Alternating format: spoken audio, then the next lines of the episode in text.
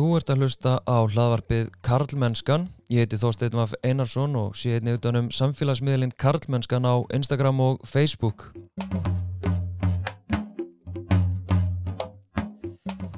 Í dag ætla ég að spjalla við hann Ólaf Gretar Gunnarsson sem er fjölskyldu og hjónaráðgjafi og starfar einnig á geðsviði Landsbítalans. Eh, hann hefur starfað eh, já, í, yfir áratug hjá eh, Batnavend eh, og brennir fyrir eh, já, málefni, já hvað er það að segja Ólafur, hvaða málefni brennir þú fyrir? Ég brenn fyrir því að þegar okkar kyn er að verða fóruldri fyrsta sinn að þeir fái svona hám, hámarka ávinningin sem að svo upplifun uh, svo reynsla, bara svo náttúrulega, það náttúrulega hlutverk að þeir fá að njóta þess eins mikið og lífi býður upp á og það hefur aldrei verið hægt að njóta þess eins mikið. Og þegar ég og þú erum að tala saman núna. Nei, einmitt.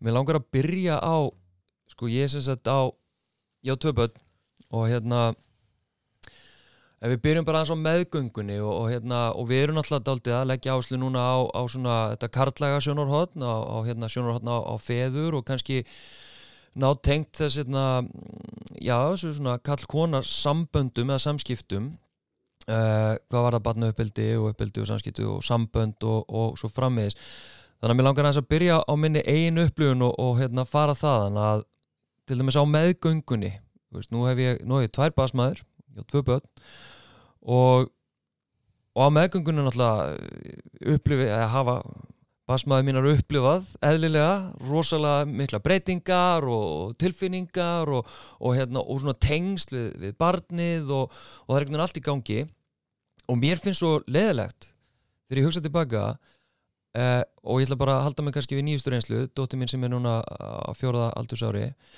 á meðgöngunni sko ég, ég tengdist ekki neitt ég fann ekki neitt ég, ég, svona, það var ekkert sem gerist hjá mér fyrir en bara að dóttir mín er fætt og það er bara fæðingadeildinni þar sem að ég svona bara barnið er komið og ég svona og allar tilfinningarnar hellast yfir mig og bara allar einhvern veginn hugsanir en það er ekkert það er, það er ekkert í rauninni sem gerist hjá mér uh, hérna fyrir bara þá hvernig er hægt að breyta þessu, hvernig get ég og við bara tölum um, um, um feður, bara menn eða fólk sem er að fræknast barn og er ekki að ganga með barnið er einhver séns að vera að tengjast?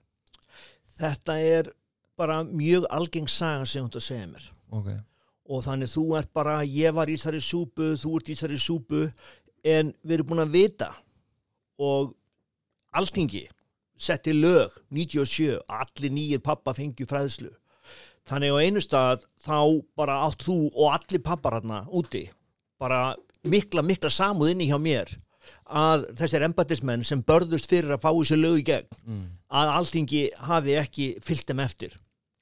Og það náttúrulega er það sem þarf að breyta 1, 2 og 3 Ingólfur Vaf Gíslason okkar fræ, pappa fræðari nummer eitt rannsakandi nummer eitt á þessu sviði hann hefur bent á það að feður og Íslandi er að taka fæðingarálof mm. á við sænska feður okay. sem eru búin að eiga fæðingarálof í 25 ár lengur en við mm. Íslenskir og sænski feður taka 30% af fæðingarálofi meðan að feður og hinnálundunum taka 10% sænskir eru með 25 ára foskott en samt eru íslenski feður skilur við hliðin á þeim já, sem sýnir hvaða gríðarlega jákvæð öflug, orka og breytinga eiga sér stað mm -hmm. á þenni kynnslóð og er búin að vera eiga sér stað þegar að ég var pappi þá var algengt að pappar voru ekki, kynntust ekki börnunum sínum nema þeir myndu skilja við konundar það var leiðin til að kynnast þeim.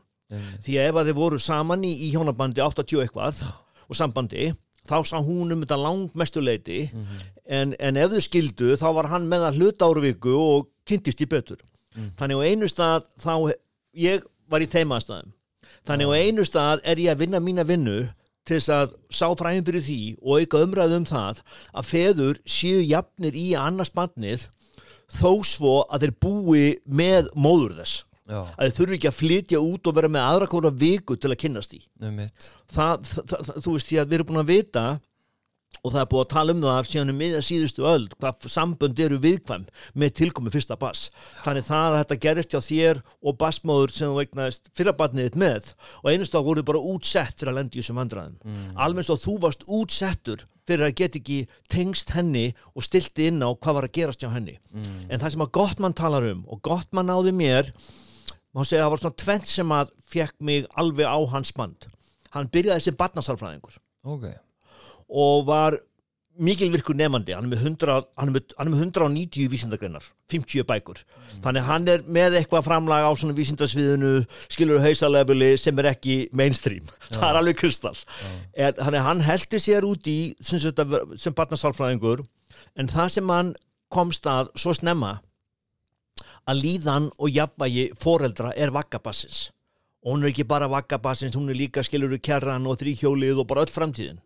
Þannig að hann hvarf frá því að horfa svona mikið á batni eitt og sér og hvað er hægt að gera til að skapa jafnvægi hjá fóruldrum hvernig þau geta stilt sig inn á hvort annað róað kerfi hvers annars. Því það sem við vitum að það er vakka kerfi vakka bassins, Já. hvernig okkur líður hvernig okkur tvist að sefa okkur. En það sem við getum sagt og ég hef kynst verðandi feðrum oft út af stuðningi pappa þeirra. Að eh, sem að eru búin að átta sig á því að sjá unga fóreldra, báðum kynjum með vagna, afslappaðir í að skipta á bleium, afslappaðir í að chilla, heldur þeir voru nokkuð tíman afslappaðir með kúkableir og, og, og að baða og, og að vakna á nóttinni og allt þetta sem að þeir bara upplýði aldrei Býtu, er eitthvað fólk, ertu að segja mig það, að það sé fólk sem er bara afslappað í þessum aðstæðum?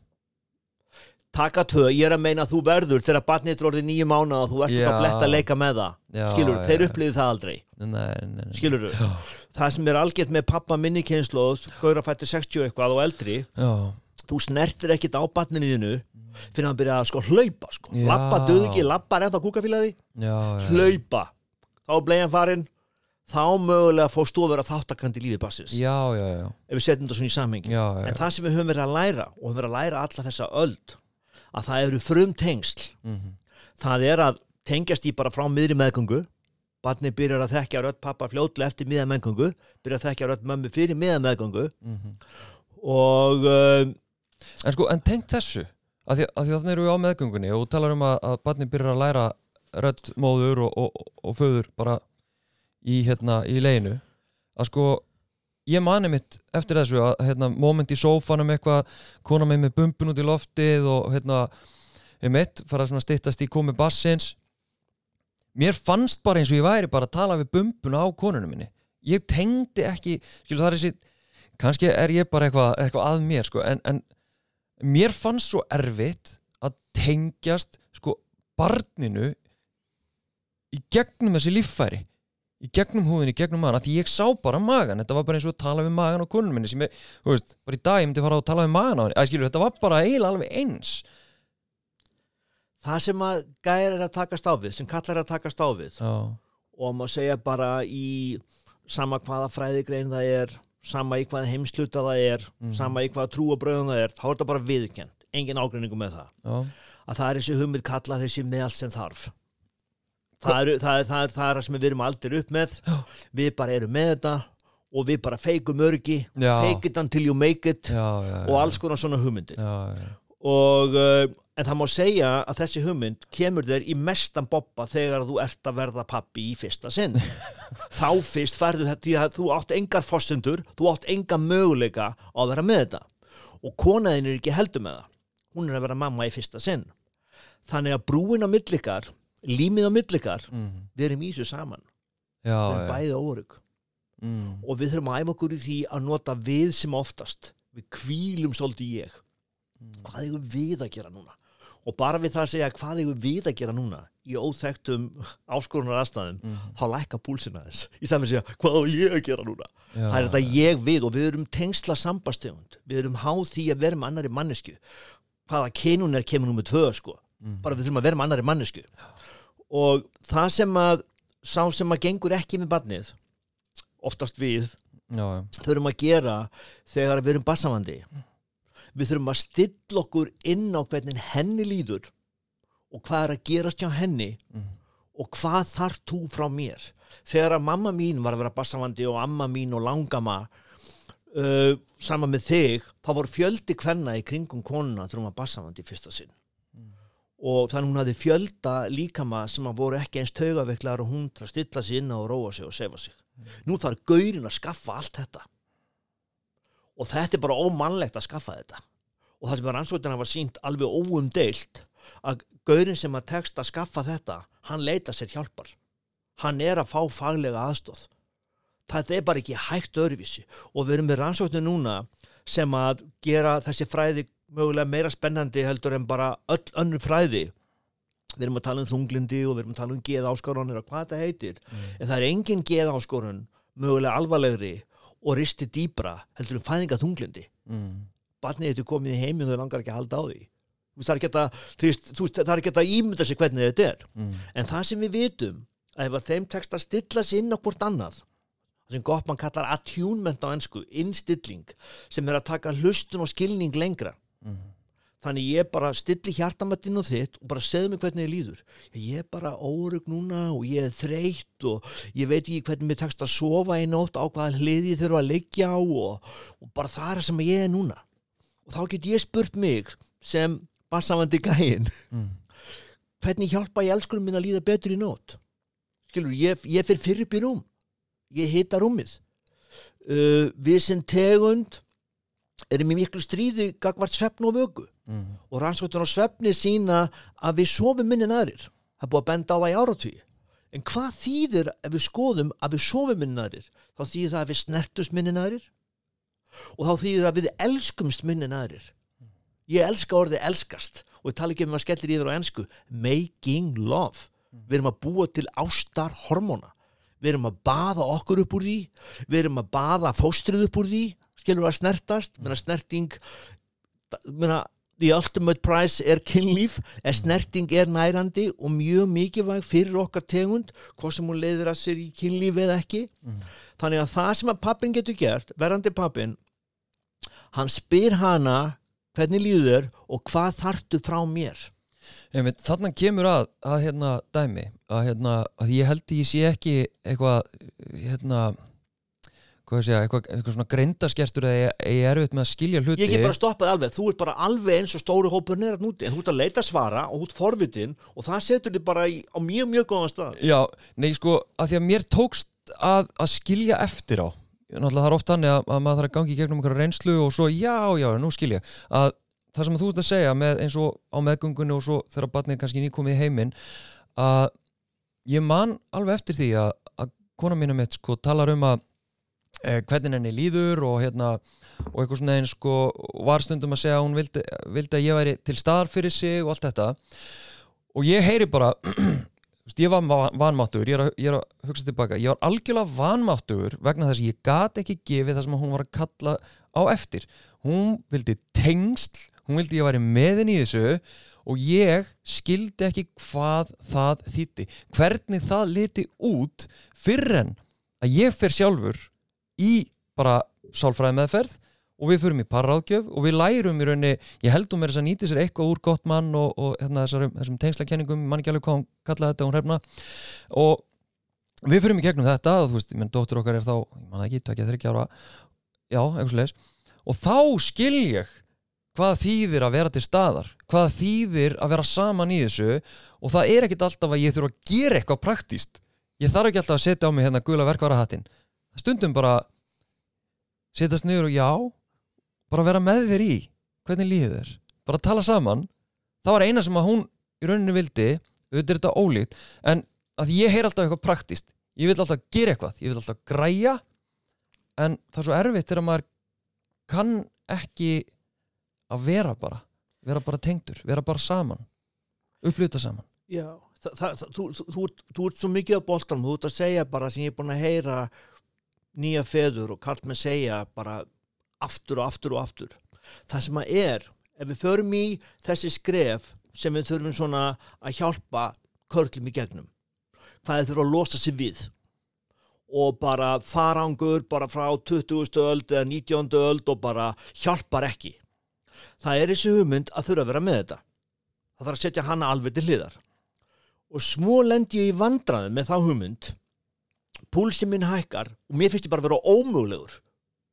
Og það sem að gerist í rauninni að hún svona bara öllu jöfnu ég er að svona alhafa svolítið og þegar maður alhafir þú veist það er alltaf eitthvað grásvæði. Já, já, það gengur upp í stóru myndinni það eru til gaurar og dömur skilur þetta fyrir svona í öfur áttir að uh, hún að öllu jöfnu er með meira innsægi í tilfinningar sínar. Mm. hún á auðveldara með að lesa í hvernig henni líður og fyrir mainstream vestrannan gaur hann fer bara límingu með það. Mm, hér er kona færari í ykkur heldur en ég. Ég bara sko bara þú veist bara, ég bara farin sko. Og hann bara fer. Hann bara fer. Eða í vörn. Er í vörn, fer bara vörnin bara, bara vex og vex og vex og vex. Púlsinn ríkur og ríkur upp og mögulega bara til þess að til að bara flæði ekki og, og missa alveg skiluru bara stjórna sínum fyrstu viðbröðum Mhm. þannig það sem við þurfum að hjálpast að með að gera Mhm. að fyrst þegar ég hitti maga minn þá aðtúa ég og þetta er nákvæmlega sama og þegar ég hitti batni mitt hvernig líður mér hvað tilfinning er með stýrið það eru tilfinningarnar sem segja mig hvernig mér líður hvaða tilfinning er við stýrið núna ég ætla að komast að því hvaða tilfinning það er Mhm. Og svo þegar ég er búin að komast að því hvernig stjórna ég þeirri tilfinningu? Hvernig er ég að stjórna henni ok, ég er kvíðin meni, ég er að fara að takast á við þetta. Og bara það að ávarpa við sjálfa mig í huga mér ég sé kvíðin, þá fyrir púlsina aðeins niður. Mhm. þannig þá er ég betra með að stjórna kvíðan Mhm. og þegar ég er búin að lesa í þetta þá get ég stilt minn á hana. Mhm. hvað sé ég á andlitir hennar núna? Er hún skilur í ángist eða er hún bara afslöppuð bara með skilur í jókastellingunni með slökun og tónlist og bara fíla sig sko, fíla sig. Því það má segja kannski ef við tölum um hvað við getum gert fyrir um bassavandi að við erum mögulega duglegasta þjóðun undir sólinni, Íslendingar. Mhm. samtals vinna fóreldrar meira hér en í flestum öðru löndum. Mhm. uh, konur hér vinna meir en pappar á hinn Norrlöndunum og þetta náttúrulega býr til ójabægi býr til þreytu minni tækifæri á að kvíla sig. Þannig að kvíldin er líkastrættin sem við viljum gleyma. Já. þannig það ef þú ert- bassamandi pappi að núti þá getur þú verið röddin við að segja þina ég skal gera þetta. Kvíldu þig. Þur, þarf þetta að gerast þanga til að þangað þú eru búin í fæðingarólofi Mhm. ef við getum sleppt í að við erum búin í fæðingarólofi það myndi ég vera svona eitt af sem ég segi hvað oftast að barnið vakka bassins eða hvernig ykkur líður á meðgöngu hversu slög þið getur verið. Við erum að læra það að harra og harra hlutfall af erfiðum málum í lífi einstaklinga hefur að gera með streitu setni hluta meðgöngu. Við erum að læra það að hvernig pör takast á við ágrinning á síðasta hluta meðgöngu gefur 50% fósbáskildi um hvernig barnið þroskast fyrstu þrjú árin 90% af heilanum verður til á fyrstu þreymur árunum 90% af hæfileikanum til að treysta verður til á fyrstu þreymur árunum öryggi er líkil þáttu fyrir spendýr þannig með það að við búum til öryggi okkar á milli að við getum talað um það, við, það sem við erum ólík og samþygt þær liðar á hvort öðru og sem sagt eh, hjálpa hvort öðru að sefa hvort annað Mhm. og, og, og tala ekki um erfi mál þegar við erum þreytt Já, já. Ég held að ónýtasta ráði sem er að úti al ónýtasta af öllum ráðum sem hjón, hjón og pör hafa fengið ekki fara að sofa ósátt. Það er það allra ónýtasta af öllum ónýtum ráðum ef ég leiði mér að alhæfa. Við segjum bara, heyrðaska mín við erum búin að komast á þann stað að búa saman og við erum búin að saman í 17 mánuði. Sem þýðir það að við erum búin að lenda einhverju svona prumpi 170 sinnum pluss þannig þetta prump sem við erum í núna þetta er ekki að fara að taka okkur fram að brunni við ætlum bara að setja upp í hillu skilur fá okkar svefn og svo bara þegar við erum rólega á sunnundagsmorgunin búin að sofa út á laugadaginn og kvíla okkur hans á sundagsmorgun og sunnundagsmorgun eiga pöra á Vesturlöndum mest af orkuforða á tanknum á öllu jöfnu þá bara tökum við þetta fyrir. Og þetta eru tvö mál og við veljum bara annað við tökum ekki tvö hlæðslumál sér í lægi ef við um börn og leðskólaaldri þegar við erum búin að komast yfir það að börn okkar er komin á grunnskólaaldur og nota bene helmingu skilnaðabarnan okkar er á leiðskóla aldrei og yngri. Og doktor Sigrún Júliusdóttir mamma mín og gyðja í þessum fræðum búin að vera að rannsaka okkur í áratugi, hugsanlega sá lifandi fræðumæður sem búin að rannsaka okkur meira heldur en nokkur annar fræðumæður mm. að uh, hefur vakið aðtekla á því að þó svo að fólk eigi orðið 15 ára barn, þegar það sækir sér hjálpar í fyrsta sinn í svona aðlögunarferlunni að meðferð þá er bara náttúrulega gott mann byrjaði með það á síðustu öld og það er bara mainstream núna að fara aðeins yfir sambandsöguna hvernig eru þið fyrst vör við erfileika í sambandinu? Og mjög algengt svar er tilkoma fyrsta bass þannig þú á dóttir sem er þryggjára og þá bara meðan hún er í leikskóla þá getur þú og konaðin séð við erum að búa til lím til 50 ára. Við erum að stilla okkur inn á hvort annað. Við erum að taka þátt í að drauma hvers annars rætist.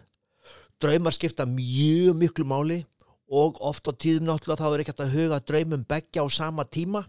Mm. En minn tími, nú set ég minn draum upp í hillu að því maki minn er að klára eitthvað verkefni, tengt vinnu eða ná með einhverju, þú veist. En minn tími mun koma. Það mun ekki vera þannig bara ár eftir ár eða áratug eftir áratug að það sé bara annar alltaf draumarna sína rætast. Einmitt.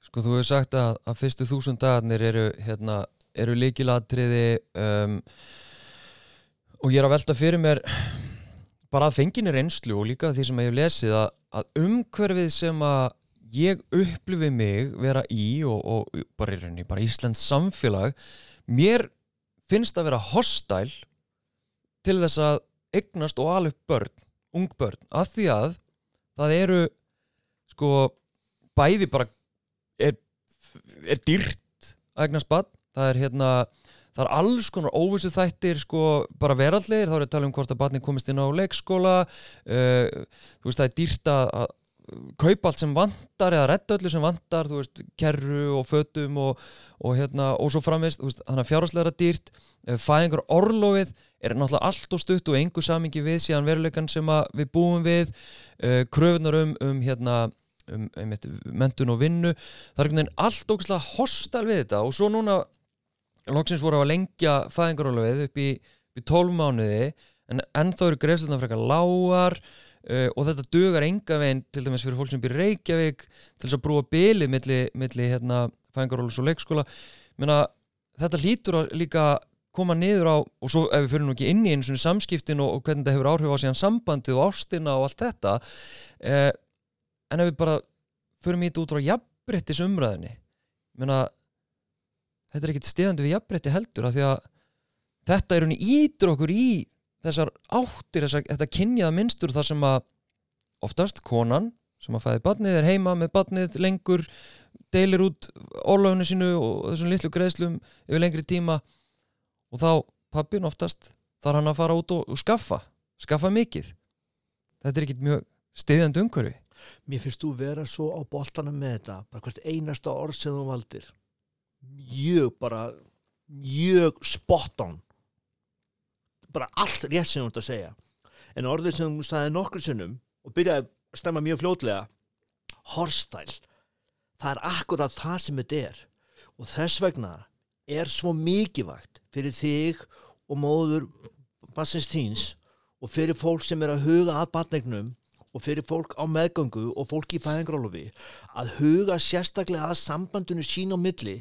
Því að stert samband terra á milli er demparinn, er hlýjan gagvart þessum harðindum. Þessum, þessu, þessu harðstjóra harðakerfi og, og það er eina sem þau geta öruglega gripið í for sjór mm. að geta sagt til maka sín ég er bara gjössalega frík út ás ég þarf á því að halda og haldur utanum mig núna. Ég þarf á því að halda þó svo að það sé komið að mér að elda og vasku upp þá sýnist mér að ég lít út fyrir að þreytar en þú þannig ég þarf á því að halda að fá að vera út í kvöld og þú sjáur um allt. Skilur við þurfum að geta skilur reytt okkur svona ákvort annað. Þannig sambandið er akkerið á sama tíma og við þurfum að berjast af alefli fyrir breytingum. Eins og alltaf fyrstu fimm fyrstu fimm er að berjast fyrir því að fæðingarálofið verði lengra 1, 4 og 3 Já. barnamálar á þeirra sagði við kviknar hann var hjá kviknar í mjög öflugu uh, spjalli fyrir fáum vikum að hann væri að taka skref í þá átt átt í þá átt að fæðingarlof verði 15 mánuður okay.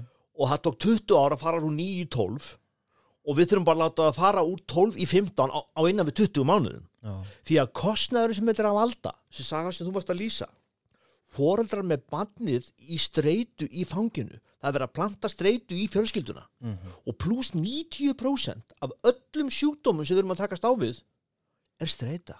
Já, við erum að heyra af þessum alvarlegu sjúkdómum sem fullorðnin fá, sem börn fá. Fólk er að koma með börnin mögulega ekki með nógu góða heilsu í leikskóla og grunnskóla og dagfóreldra að þau eru búið með alla veikindadagana. En vaggan fyrir fólkið og þetta veitum við sérstaklega um konur sem að eru með batni inn í líkamassinum og, og þurfa að meistra það þegar batni er komið í heiminn að borði líkamassinn Einmitt. veltum þess aðeins fyrir okkur. Mhm, ég meina batni er bara búið að vera í veislun í maðanum já, þarf ekki að hafa neitt fyrir neinu til að fá sér næringu eða fá sér svefni eða hvað hefuru svo kemur það í heiminn og þá þarf það að borða líka maður mömmu svolítið sem það er aldrei gert. Og mamma þarf að hafa eitthvað kríli sem bara að borða líka maður þess með þessu meiri háttar skiluru álags tímar en fæðingarálofið í 15 mánuði við þurfum að komast þangað sem allra fyrst. Og það sem að mér finnst spennandi við fæðingarálofið karlar taka 30% af fæðingarálofinu en karlar eru ekki 30% af starfsfólki á leyskólum mhm, og karlar eru ekki 30% af dagfólöldrum mhm, og þeir eru líklega ekki 30% með barnið þegar fæðingarálofi búið. Þannig að lengja fæðingarálofið er leið til að búa til lýrn og betri og jákvæðari kallmennsku já, já, því þeir eru meira með barnin í fæðingarálofi og heldur en ekki í fæðingarálofi mhm, og, og við þurfum að komast á þann stað að feður nota helmingina fæðingarálofinu ef þeir geta ekki nota fæ, helmingina fæðingarálofinu af þessum ástæðum sem við vitum sem fórst að nefna, sem fórst peninga og annað en þá örglega taka aðra hvora nótt hún þarf að fá að sofa aðra hvora nótt og hún sé í fæðingarálofi það er erfiðar að vera í fæðingarálofi heldur en að vera á vinnumarkaði. Það við gera bara allir vandraðlaust og hann þarf að koma heim þegar hann er búin í vinnunni með einhverju orku á tanknum. Þú veist frá fjögur til átta skilur við bera megin þunga á fjögur til átta ef að það er hann sem er að vinna. Og hann getur síðan þrjár helgar að hverjum fjórum þannig að hann getur bætað upp að hann taki ekki helmingin að hann taki bara eitt fjórða eða eitt þriðja fæðingarlofinu þá getur hann bætað upp með að taka þrjár að hverjum fjórum á þúsundögunum taka batni frá fjögur til átta og taka aðra hverju nót já, einmitt. Ég einmitt gerði alveg skelvileg mistök sem að ég reyndi að tala um aður og, og, og fekk síðan eftir á skýringu að, að sennilega hafi ég fengið fæðingarþunglindi með, með hérna í kjölfara fæðingu dóttur okkar. Af því að það sem að ég, ég átti erfitt með að tengja spanninu já, dóttur okkar og ég fjarlæðist heimilið. Ég var ógeðslega mikið að vinna og ég bara, ég meikaði ekki sko eh, að díla við hennan vanmátt og óreiðuna að ég bara, ég gæti ekki lesið í dóttur okkar, mér fannst það svo flókið mest erfitt og, og einhvern veginn og svo samskiptun okkar eftir því líka þarna og, og, og það sem ég lærið eftir á er náttúrulega að díla við sjálf mig uh, og einmitt eins og þú talar um bara akkirið eða dempaninn í þessu hostalungurðu er sambandu okkar og samskiptin okkar ástin okkar einhvern veginn, að við séum saman í þessu sem erum að, sem erum að gera þetta saman. En ég lærði líka að sko mindseti mitt, hugarfari mitt gagvart þessu hlutverki var líka bara ekki alveg rétt stilt og þú tóldi að fókusta það upp. Og ég heyri það því að ég hef gengið í gegnum þetta. Og þess vegna langum að draga það upp að ég hefði þurft að stilla mig inn þannig að ég er núna næstu, já, þúsund dagana eða eitthvað. Kannski, kannski meira þess að væri nóg að hafa þetta hugafar bara í, í 15 til 20 mánuði. Þess vegna að forna eins og miklu og ég mögulega get til þess að uh, taka ábyrða á þessu barni og heimilinu. Þrátt fyrir að maki minna að kona mín sé í fæðingarólofi eða sé ekki að vinna því að við erum einhvern veginn að hagraðið þannig að ég verð að fórna einhverju, ég get ekki haldið algjörlega minni rútinu þó að ég sé að vinna. Ég verð að fórna meiru, það er minn lærdómur og kannski því sem ég vil miðla til verðandi feðra sem hafa ekki gengið gegnum þetta. Þetta er bara, þetta er bara fucking erfitt. Þetta er bara sjúklega erfitt á alla kanta. En við verðum samt að fórna við, við, við, við getum mögulega nota það orð ef við þurfum bara first things first við þurfum að forgangsverða það rétt. Já, já, fjölskyldan er mikilvægust og þetta er viðkvæmasta æfiski fjölskyldunar við erum að fæðast inn í það að vera fóreldri já, og barnið er að fara úr þessum luxus inn í maga og utan maga. Mhm, kannski fyrstu hundra dagana er það bara í sjokki að jafna sig á því. Já. þannig að vegna er barnið al, al viðkvæmast fyrstu hundra dagana. Mhm, og ég hef á mínum árum verið duglegur að sækja rástefnur og fræstu til bandarækjana það sem gott mann er, það sem fóruðra fræsla hófst fyrst já, og öll þessi vísið til tengt sambandi og hvernig fyrirbyggja má álag og ágreiningur valdi nekki og ekkur ger eitthvað, skilur óviðingandi gagvart maka sínum, skilur þetta byrjar allt þarna. Mhm, að uh, indjanar, ég er mjög forvitin um indjana, hvernig þeir, ég leita upp indjana hos þeir ástöðnum og námskeiðum sem ég hef farið á og, uh, og þeir hafa bara miseft eftir hvaða af þessum 120 sterku indjanabalkum sem ennþá eru lifa. Að eftir fæðingu bass þá er móðurinn með barnið á manum á sér í 1, 2, 3 tungl sem því fjórar, 8, 12 vikur. Mhm, oftast þegar ég er tvö tungl, átta vikur. Hún er bara með barnið á bringun á sér uh, sýstir hennar, mammennar besta vinkonunnar, leysir hana kannski að fjóra klukkutíma á dag.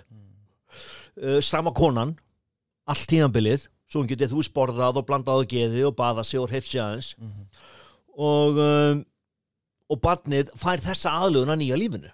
Við vitum að þegar við komum í heiminn þá er engin tegund eins lítinn undirbúið fyrir lífið og mannana börn. Getum við ekki haldið höfði erum orðin tveggjára þegar við getum varist ekkur um hættum bara sama hvað við lítum erum með 10-15 brósta heilanum simpansinni með eitt þriði eða helming. Þannig að það er engin þessi viðkvæmur og þessi viðkvæmni kallar á gríðalegar kröfu frá þessu fullortu mhm, bæti upp þessa viðkvæmni. Þannig að, og núna er ekki í þessari pælingu með indjánan, þú veist, við fadurinn hefur tækifæri á að njóta þessara tækifæra og það er alltaf sem að feminismin við gefum gaurum tækifæri á þessum nánu tengslum. Við erum sambands tengslategund búin að gefa okkur tækifæri á að styrkja sambandi við okkur og hvernig við upplifum heiminn. Þannig að ef að fólk mögulega getur nú eru fólk að verða eldra og eldri þegar eignast batni í fyrsta sinn fleiri og fleiri að býða eftir því mjög lengi uh, fólk sem er 35 ára með alltaf pluss ár sko að getnaður eigi sér stað. Að nota þennan tíma til að eiga samtöl við ætlum að leika við batni 50 mínútur á dag þegar það komið í heiminn. Og meðan við erum að reyna að verða bassamandi og meðan við erum bassamandi þá gefum við batninu 50 mínútur á dag. Við erum byrjuð að tala um hvernig okkur líður hvernig við ætlum að njóta þess að vera fóreldrar við bara byrjum okkur að stilla okkur inn á þessar aðstæður og þess aðlugum bara strax. Horfum á efni, lesum efni tökum á okkur að passa börn fyrir aðra erum með fólk sem á börn og pössum sérstaklega vel upp á okkur og, og við vitum um kalla þeir eru ekki eins góðir að annars sjálfa sig og konur. Og það vantar bara mjög, mjög mikið upp á. En einleið ef að þú ert bassamöndi gæi að verða pappi í fyrsta sinn og þú finnur fyrir kvíðanum og hvernig að fara takast að halda á barninu og, og hvað gerist þegar barni segir pappi við þig og þú af þessum drengjum sem ólust upp við það að segja aldrei pappi við neitt það er svolítið mikið mál að sjá gríli fyrir sér að fara að segja pappi Mm. og gera kröfur til þín. Og þú hafðir aldrei neitt sem þú gaf skert kröfur á af skilur með þitt kynhlutverk. Að máta okkur í þessu öllu saman og, um, og svona gera okkur tilfinningarlega undirbúin. Við vitum það fyrir víst að það munur gera slutir sem við getum ekki séð fyrir.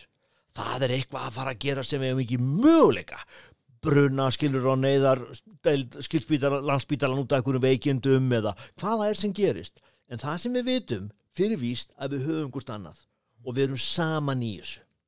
Og ég ætla að fá þennan djús í kerfi mitt. Ég ætla ekki að missa þessu. Eins og fólk er að átta sig á mögulega sem að skilur er þriðja kynnslóð eða þrettánda kynnslóð af endalusta peningum. Það vill ekki nanni að því það vill ekki missa af þessari reynslu. Já, ég ætla ekki að láta ykkur að kona á launum skilur vera með barnið mitt þegar að, er að gráta og er í uppnám og þarf huggun þegar barnið mitt er í uppnám og þarf huggun þarf það mest á mér að halda. Þú veist, ég vil ekki missa af þeim tengslum. Og um, en svona það má segja að, að þarna í þessu sem við erum að tala um þar liggur okkar þróun sem fólk. Og það er samband á milli þess að njóta sín sem foreldri og að njóta sín á vinnumarkaði fá síður alvarlega sjúkdóma lifa lengur. Þannig að við erum búin að vera með þetta máltæki frá Afríku í, í mörg, mörg, mörg hundra ár að það þurfi þortur alveg bann Mhm. sem er alveg satt. En svo er ég með annað tvist á það. Það þarf bann til alveg þorp. Ef að parið sem stendur að banninu stillir sig inn á þarfir bassins leggur sig fram við að svara þörfum bassins og í besta máti þá kannski eru fóreldrar að ná þessu helmingatímanum. Þá ertu bara í mjög góðum málum. Já. en þegar þið teksta ekki þú veist þá reynur að laga. Þú tegir þið út til bassins hvort sem það er strákur eða stelpa og við erum að læra það að fólk tegir sig meira út til stúlna. Stúlkur byggja meira um tengsl. Mhm. við þurfum að jafna það út með að tegja okkur út til barnan okkar. Mhm. og ef við klárum tankin í vinnunni þá erum við ekki að koma heim og tegja okkur út til barnan okkar Nei. við þurfum að eiga eitthvað eftir á tanknum þegar við koma heim og vinnuveitundu þurfum að átta sig á því að það að fjárfesta í þú veist velferð starfsmannsins Mhm. sem á, barn á fyrstu þúsund dögunum hann er bara að fjárfesta í Excel-skjali fyrirtækisins ef að starfsmæðurinn heldur ekki geðhelsu sinni þú veist þá er þetta námskeið sem hann fór á hann í HR eða Harvard eða eitthvað bara peningur út úr gluggan Já, já, þannig að, þannig þú vilt passa geðhelsu en það er, við komum orðinu geðhelsa aftur og aftur að ef að parið næra stilla sinna hvort annað fólk þarf misjaflega mikla, hjá- mikla hjálp til að komast í gegnum þetta hefur að gera með áfallasögu og hvernig skilur þau ólust upp við og var eitthvað sem þau gáttu farið til og fengið þörfu sínu sint Mhm. að það er að venda geðhelsuna með tilkomi bars Já. þannig stert samband þannig það að fólk sé að fá fæðingatunglindi pappar og mömmur að kerfið sé að láta það gerast þegar við erum búin að vita alla þessa öld með að hjálpa þeim að líða vel á meðgöngu þá erum við að fyrirbyggja það einmitt. Einmitt, það er svo margt annað, ég er svona veltað, ég er svona að hérna, ákvaða hvert ég áfara Jú, ég ætla, ég ætla að byrja á að, hérna, að ég sagði fórna á þann og, hérna, og það sem ég meinti með því út frá minni reynslu var það að ég gæti ekki e, búist við því að halda mínu tempo í lífinu. Þá er ég að tala um að hérna, hitta vinina, fara í raktina koma heim og aðeins að chilla þú veist, fá mig kaffi. Heldur bara, ég komin heim og hérna, ég sinni badninu núna núna sinni ég badninu skilur, ég hérna, ég ætla skilur bara, ég er að tala um að fórna mínum tíma og, og, og minni rútínu þennan tíma sem að, sem að barnið er svona ungt þó að maki minn sé í fæðingaróli að því ég fríaði með allir ábyrð að því að ég var bara út að vinna. Já. það var svona pínuð það. En, en þú kemur líka inn á sem að ég held að sé og ég er alltaf að læra líka meira finnst mér um hversu djúbstætt mikilvægt það er að reyfa við þessum ráðandi kallmennsku hugmyndum eh, bara, þú veist, þetta, þetta tengist inn á öll svið. Og ef við tengjum þessar kallmennsku hugmyndir hér inn það sem að þú ert að segja, varðandi sko tengjast badni og, og taka virkan þátt í uppeldi uh, vera í sambandi að þessar ráðandi kallmennsku hugmyndir sem við kannski búum dálítið stert við í dag, þráttur að margir kallar hafi einhvern veginn svona unnið með það eða úr því uh, þessar hugmyndir eru svo uh, mengandi eða eh, hvað ég segja, svona, þær styðji ekki við það sem við þurfum á að halda og það er þessi tilfinningalegu tengsl við makan sinn, við barnið sitt og ekki síður líka við sjálfan sig. Eins og þú sagði ráðan, nú er ég eitthvað kvíðin ég vissi ekki eins og ég væri kvíðin yfir einhverju, ég vissi ekki eins og hvernig mér leið að því ég var það ótengdur hérna skilur bara tilfinningar, ég bara kunni ekkit á tilfinningar. Það var ekkit sem að ég einhvern veginn í rauninni þjálfaði mig upp til þess að vera því að ég var bara ég leiði upp í þessar típisku kallmennsku hugmyndir í fótboltanum og í vinnahopnum og allt þetta.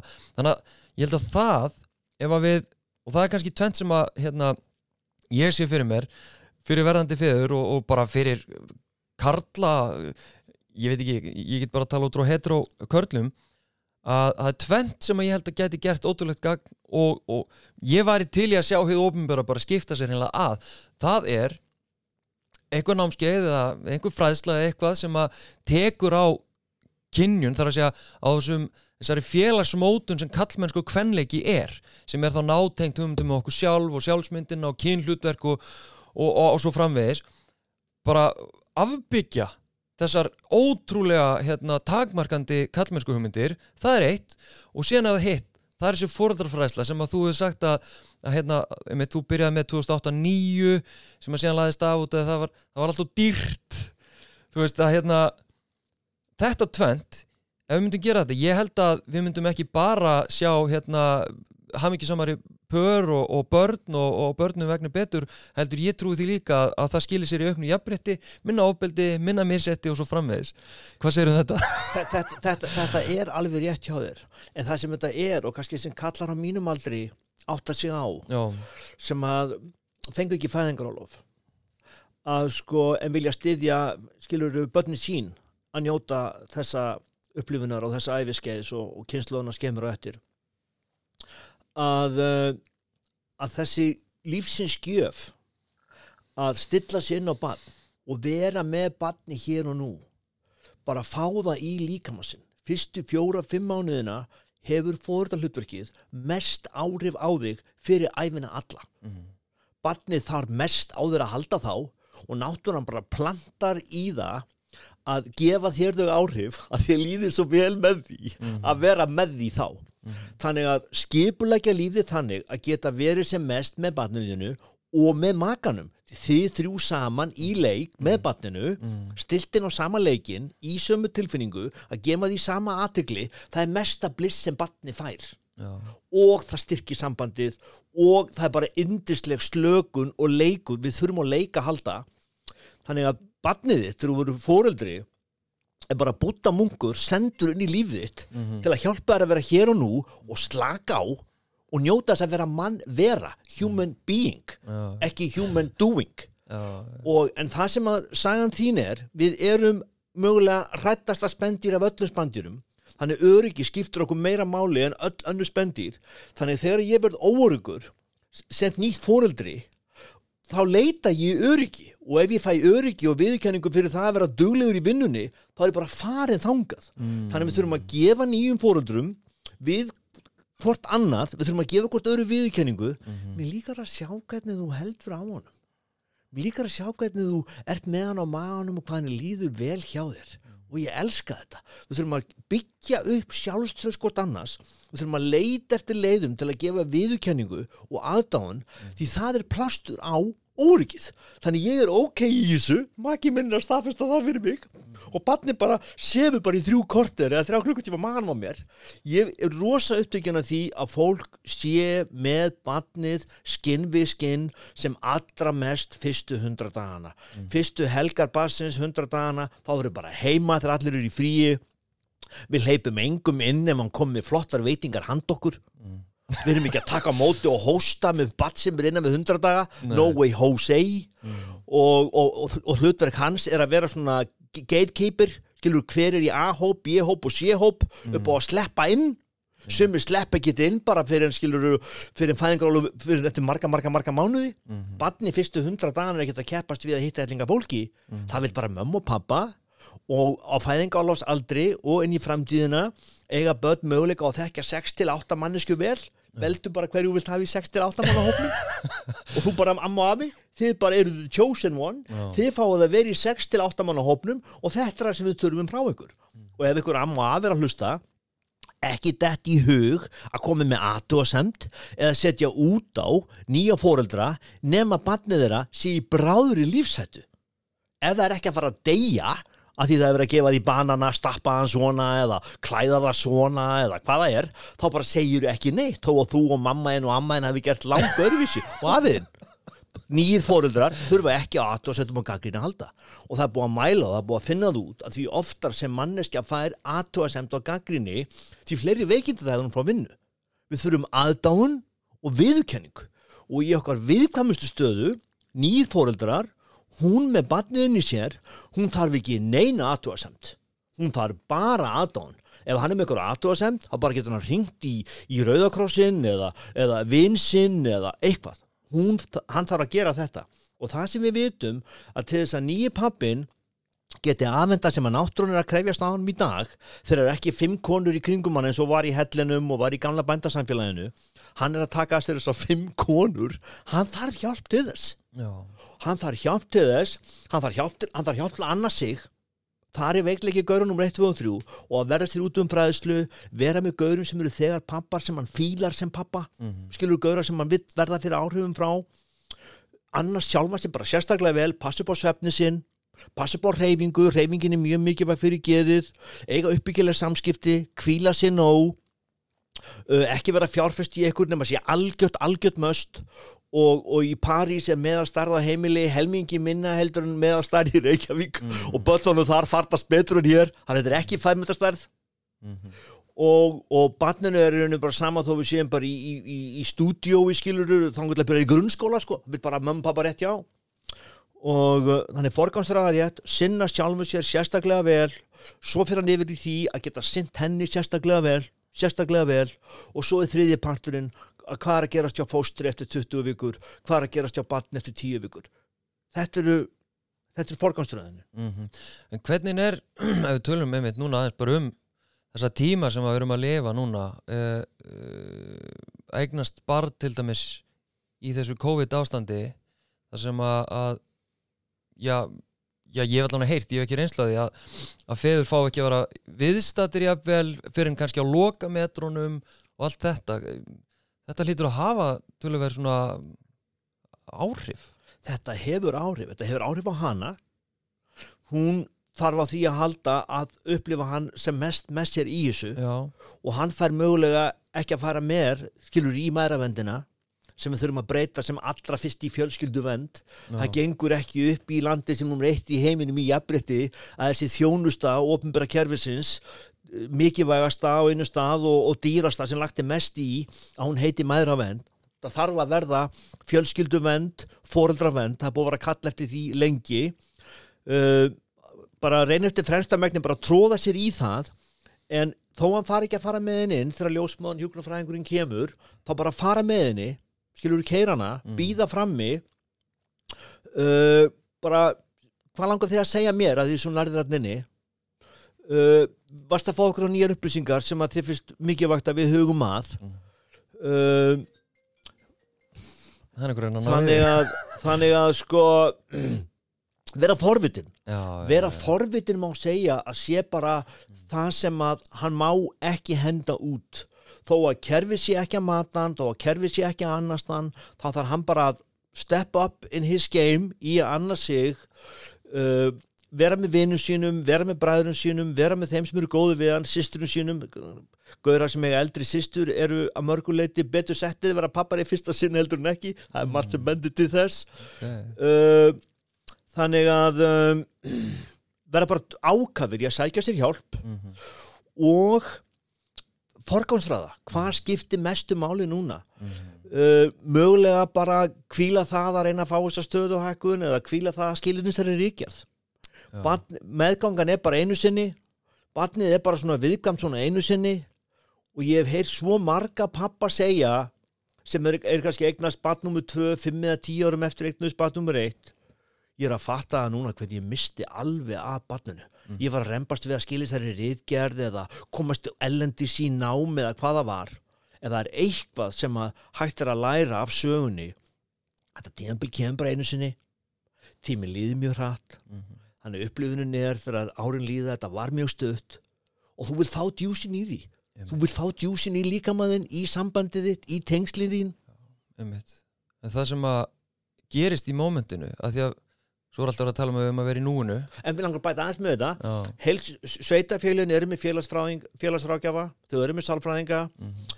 um, heilsugæslan er að auglýsa vitul fyrir nýja fóreldra bara sækja í þetta fast. Vinnuveitendur, margir vinnuveitendur er að gera mjög mikið fyrir nýja fóreldra koma staði bara hvað eru þið að gera fyrir okkur í þessari stöðu? Og mögulega ömmur og afar. Ég og Alda sem með mér í fyrstu fimm við erum að fara að halda námskeið fyrir nýja ömmur og afa. Já, já. það skiptir máli og það skiptir máli í báðar áttir. Ömmur og afar sem er í sterkum tengslum við afkomundur sína er að venda heilansinn já, já, það er það græða allir á þessu og, og, það, og hvað er yndislega heldur en að fagna, þú veist nýri kynnslóðin í fjölskylduna og, og njóta þess og hvað hefur þannig að og svo náttúrulega er ég með þessi meðgangunámskeið sem ég er að halda fyrir bassafandi pör sem er eitt kvöld. Mm. svo er ég með sérstakann auka tíma bara fyrir nýja pappa Já, já, og, uh, og það er bara mjög mikil þörf á þessu. Þó þetta sé ekki vera bjóður allan daginn. Eina af ástæðan fyrir fæðingaþunglindi er þessi hugmyndum að þú eigir að vera með þetta mm. og það er alltaf bara svakalega daburt á 2001. öld að fólk fái svona alvarlegan sjúkdóm sem takmarka lífskeiði þeirra svona mikið byggt á fórsendum sem það á bara ekki möguleika á að standast undir og en það sem við vitum bara um feður sem sækja sér fræðslu og styrkja sig að verði hún veik fái hún fæðingatungliti sé hann búin að undibúa sig vel þá getur hann gripið ummunnabyrði bassins séð um allar tarfir bassins þannig að veikindi hennar hefur ekki neinn áhrif á barnið Mhm. og veikindin hennar verði gerst alvarleg þau verði gerst lengi því að í veikindunum sínum veit hún að barnið er að fá þörfun sínu synd Mhm. og í hináttina líka en allt og algengt er að því við erum með þessa viðkvæmni sem kemur úr sögunni og mögulega úr einhverjum fleiri sem við vorum að tala um áðan allt og algengt er að hún ekki aðeins að bera ungbarnið hún þurfi líka að bera hann.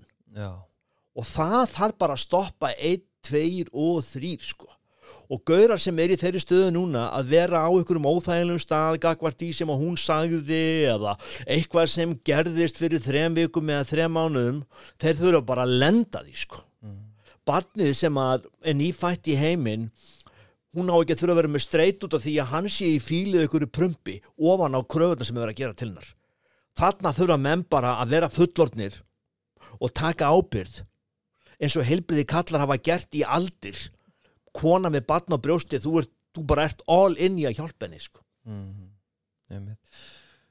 Ég hef þetta aður að kallar þurfi bara að taka ábyrgð kallar þurfi bara að duðlega að taka ábyrgð og þetta er, þú veist, hérna hún hérna uh, Andrei Kviknar sagði þetta sko um, um, um daginn að kallar þurfi bara að duðlega að taka ábyrgð en ég held í alvörunni að þetta sé bara rosalega mikið satt að við höfum við kallar höfum komist upp með þetta aldrei lengi að þurfa ekki að horfast í augu við sjálf okkur, hvers afurð við erum og komist undan til dæmis ábyrði í, í, hérna, á heimilistörfum, í uppeldi og umhverfið okkar stiður við það að við tökum ekki ábyrði á uppeldi og heimilistörfunum. Þannig að ég held að hérna, ég bara að taka undir þetta með þér og Andri að, að kallar þurfi bara að vera dugleiri. Við þurfum að vera, það er eitt partur í því en svo eins og við vorum að tala um áðan að 1997 samþykir alþengi lög út af þrýstingi frá sérfræðingum Já, að feður þurfa að fá fræðslu með tilkomu föðu hlutvarsins. já, Við erum fyrst undir sólinni sem ákveðum að ákveðin hlutafæðingar á lofinu fyrir til hans annars glatasta já, sem á einu stað bara meiri krafa á að gaurar annars börn heldur en annar staðar gaurar kannski búin að vera að ísa fisk í lestum eða grafi gegnum fjöll aldrei haldið á dúku eða ungbarni já. auðvitað þurftu þeir að fá þess að hjálp. Þannig að þetta er bland.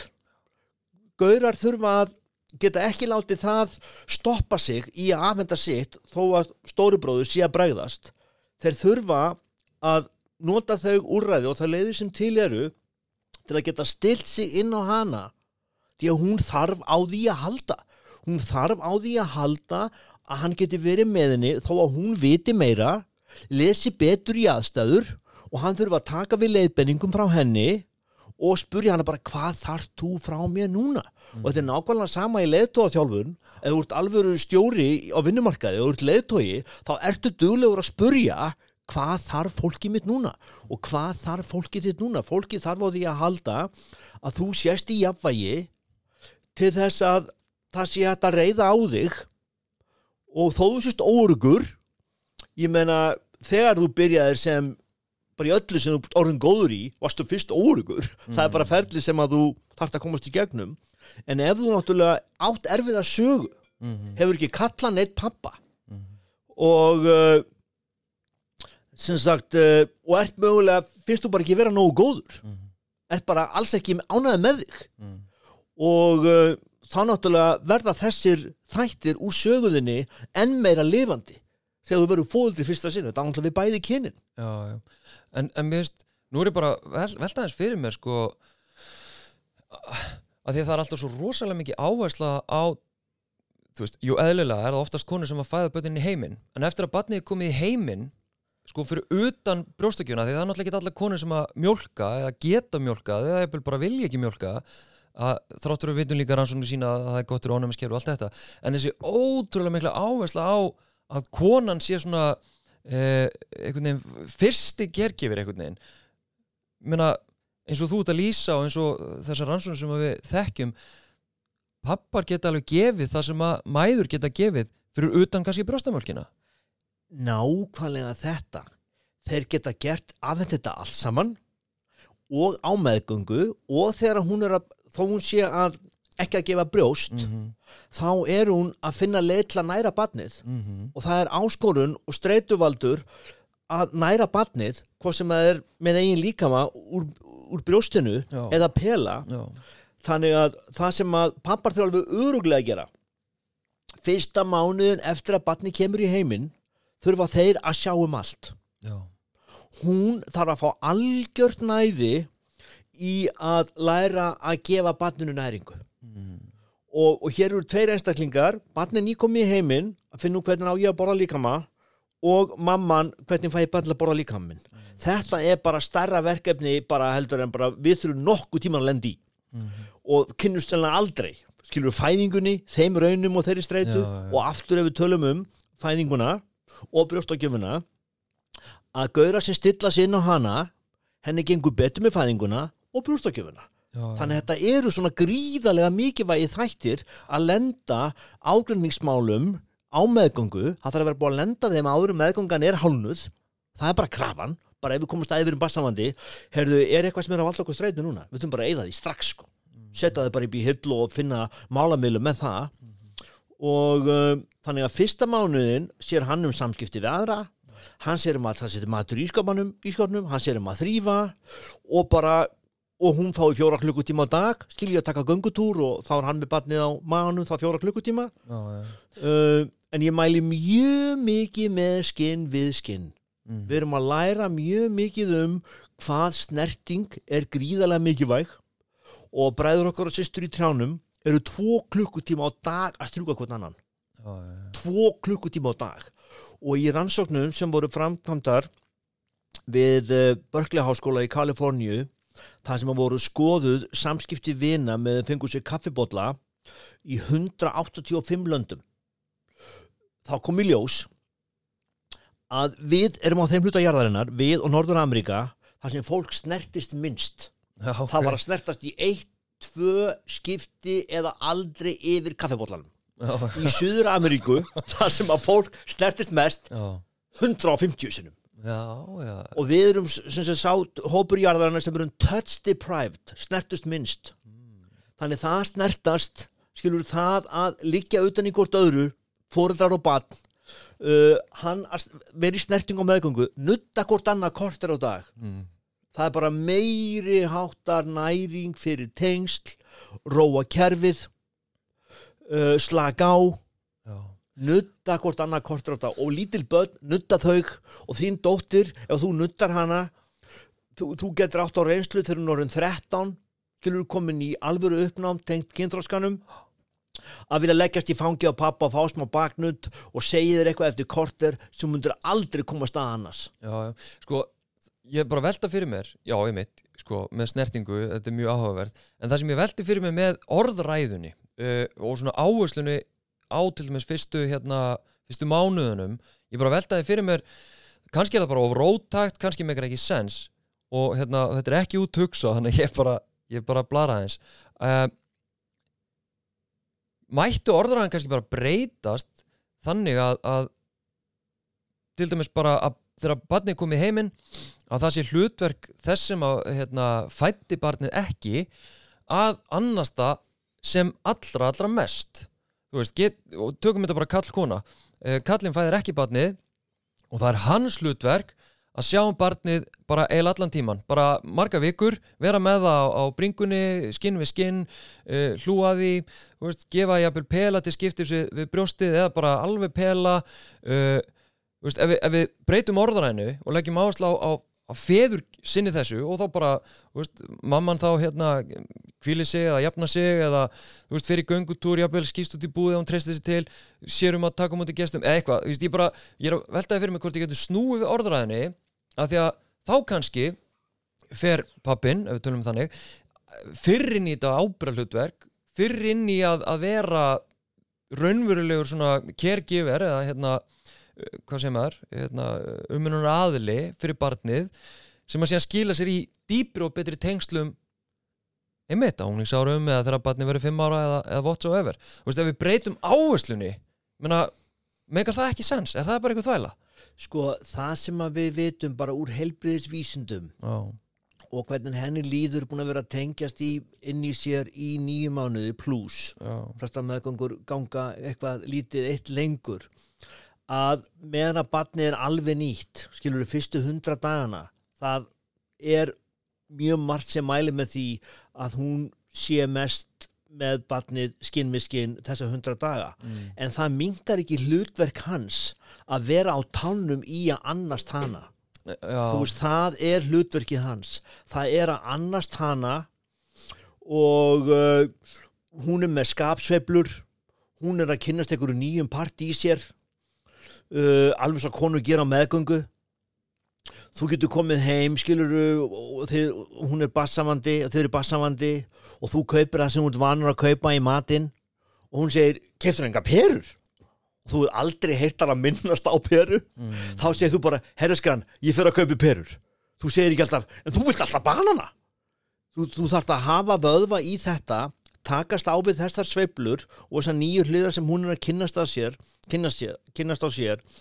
Og það bara er hellingur. Já, verða þér út um stuðning til að flýga vettvangi, takk ekki aður aukavinnu og, og það bara verða betri fá magavöðva eða hvað sem þetta er í huga að gera skiluru, spáli nýjum tattúum.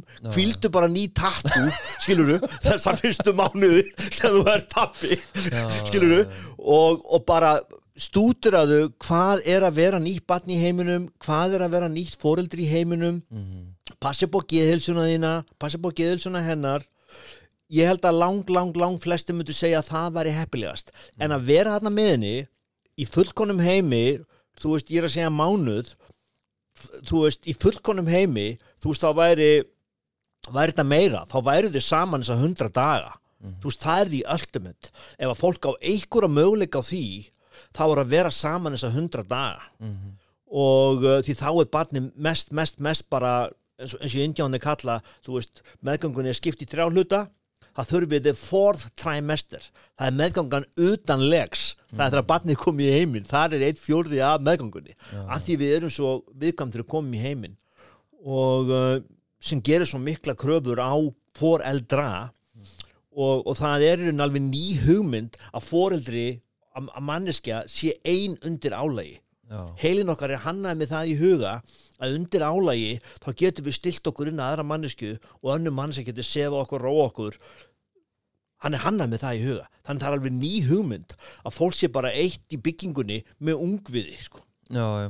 Þannig að það er of rótæk hugmynd kannski að, að, hérna, að snúa orðarannu við og, og leggja áherslu á að, að pappin sinni þessu þessu helsta hlutverki að annast badnið en ég segi kannski með helgar já, þú veist um helgar ef hann getur ekki tekið helmingina fæðingar á lofinu mm en, en, en það er sem sagt flesti myndu sennilega að segja að þessa, þessa hundra daga sem hún er sem, sagt, sem mamma þá er allt kerfið hennar sem segir að barni eigi að vera skinn við skinn og vera hjá henni. Þannig hún færi mögulega í uppnám ef öllur er snúið við, það myndi eitthvað færa rauk fyrir því.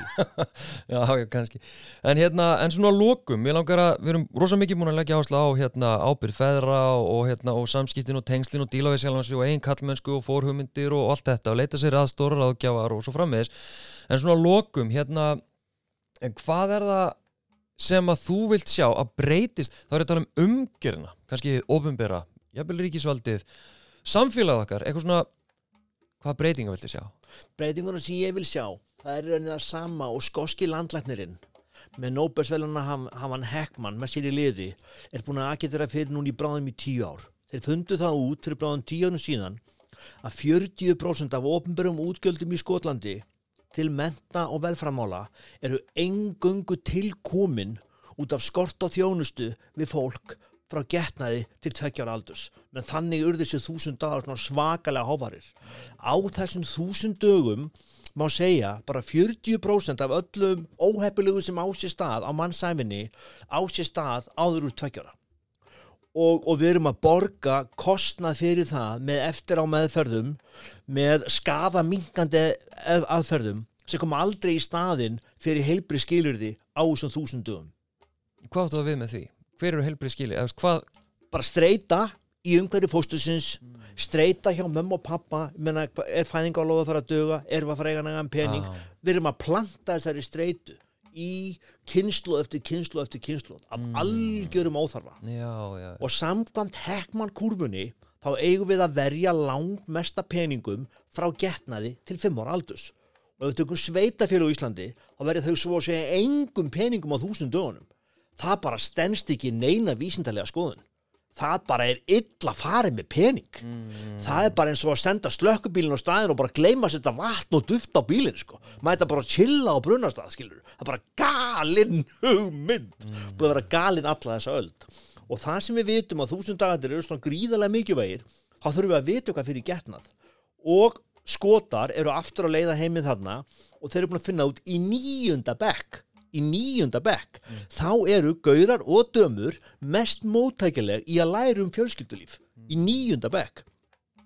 Komin í framháskólan þá eru ákveðinu hormónar búin að ná meiri yfirráðum og gæja skvísu orkan er fann að taka meira plás þannig í níunda bekk og ég ástæðan reynslu ég er búin að vera með fræðslu um umun ungbarna í pluss 40 skólum á Íslandi frá 2004, framháskólum og grunnskólum og ég sé alveg í níunda bekk þá taka strákarnir alveg jafn mikið þátt á stelpunar en konur í framháskóla er það ekki eins örugt þannig við þurfum að nota skólakerfið alveg öruglega í að kenna um samskipti í að kenna um viðkvæmustu þætti okkar sem tegundar og, og við þurfum að vita hvað kostar að eiga manna fjármálafræðsla á að ganga út á hvað kostar að eiga bann uh, við erum búin að fá þar upplýsingar aftur og aftur úr velferðarhándinu úr velferðarvaktinni hjá velferð, í, í félagsmáraráðundinu að 29 ára á yngri að 36,5% fóreldra á Íslandi 29 ára á yngri standa höllum fæti fjárhastlega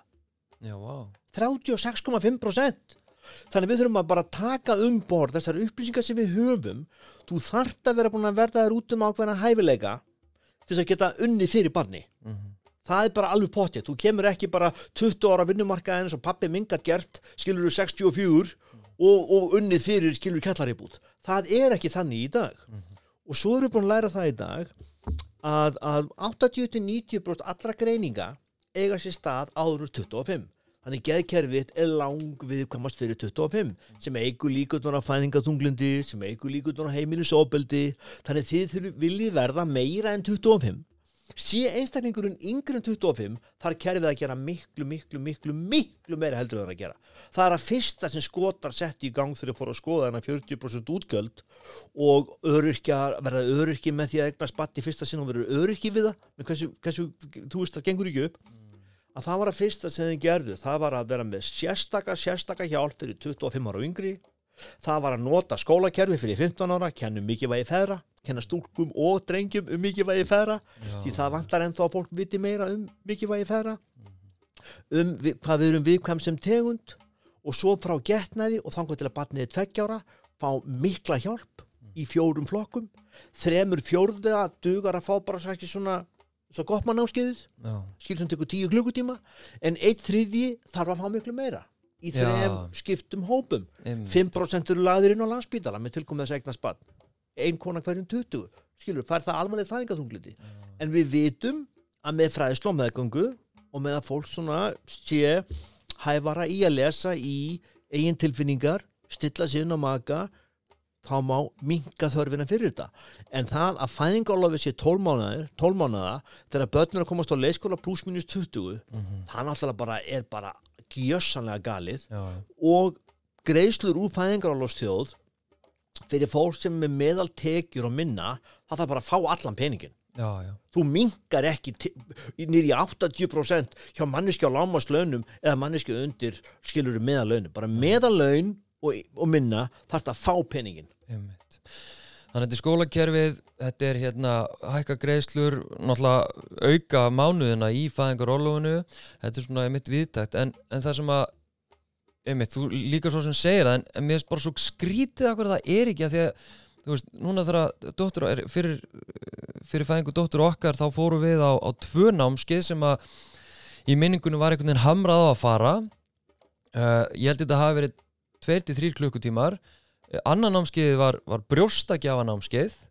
og hitt var eitthvað svona ótrúlega almennt sem að ég, ég man ekki eins og hvað fór þar fram og hérna, ég vil ekki vera drull yfir það sem ég fór en ég man ekki eftir því að það hefði verið talað um þessa hluti sem að þú til dæmis ert búin að vera hamra og það sem að ég til dæmis lært bara skipti algjöru fundamental atriði það er að við lærum að takast á þetta hlutverk. Þú veist, tengslinn okkur á milli uh, hvernig stíg ég inn sem faðir, skilur allt þetta. Það er svo mér finnst vanda þá fræðsla því að og líka það sem ég fæ síðan til mín sent. Þú veist, þegar ég verið að taka hérna, podcast viðtöl eða einhver, einhver umræður um fæðingarólof eða samskipti para eða, eða mentalótið annað að það er þessi fjarlægð feðra, ábyrðleysi pappa og kalla í sambúð og svo framið þannig að okkur er þetta ekki bara okkur er þessi ekki bara dundrað inn í kerfið?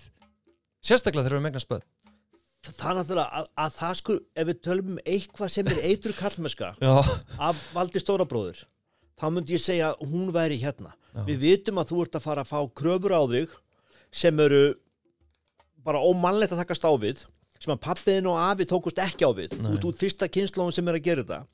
Og við vitum að eina ástafan fyrir fæðingaþunglindi er þessi bara, þú ráður ekki við þetta. Mhm. það sé bara óyfirstíðanlegt og við vitum að það leiður mögulega sér óbeldi já, og við erum bara róleg. Þannig að þetta er við þurfum að sína nýjum pöpum auðmíkt og hlýju, þetta er þess að harraðir sem við búum í, þú átt bara að harkið að þér, þú ert gauður, hvað er þetta?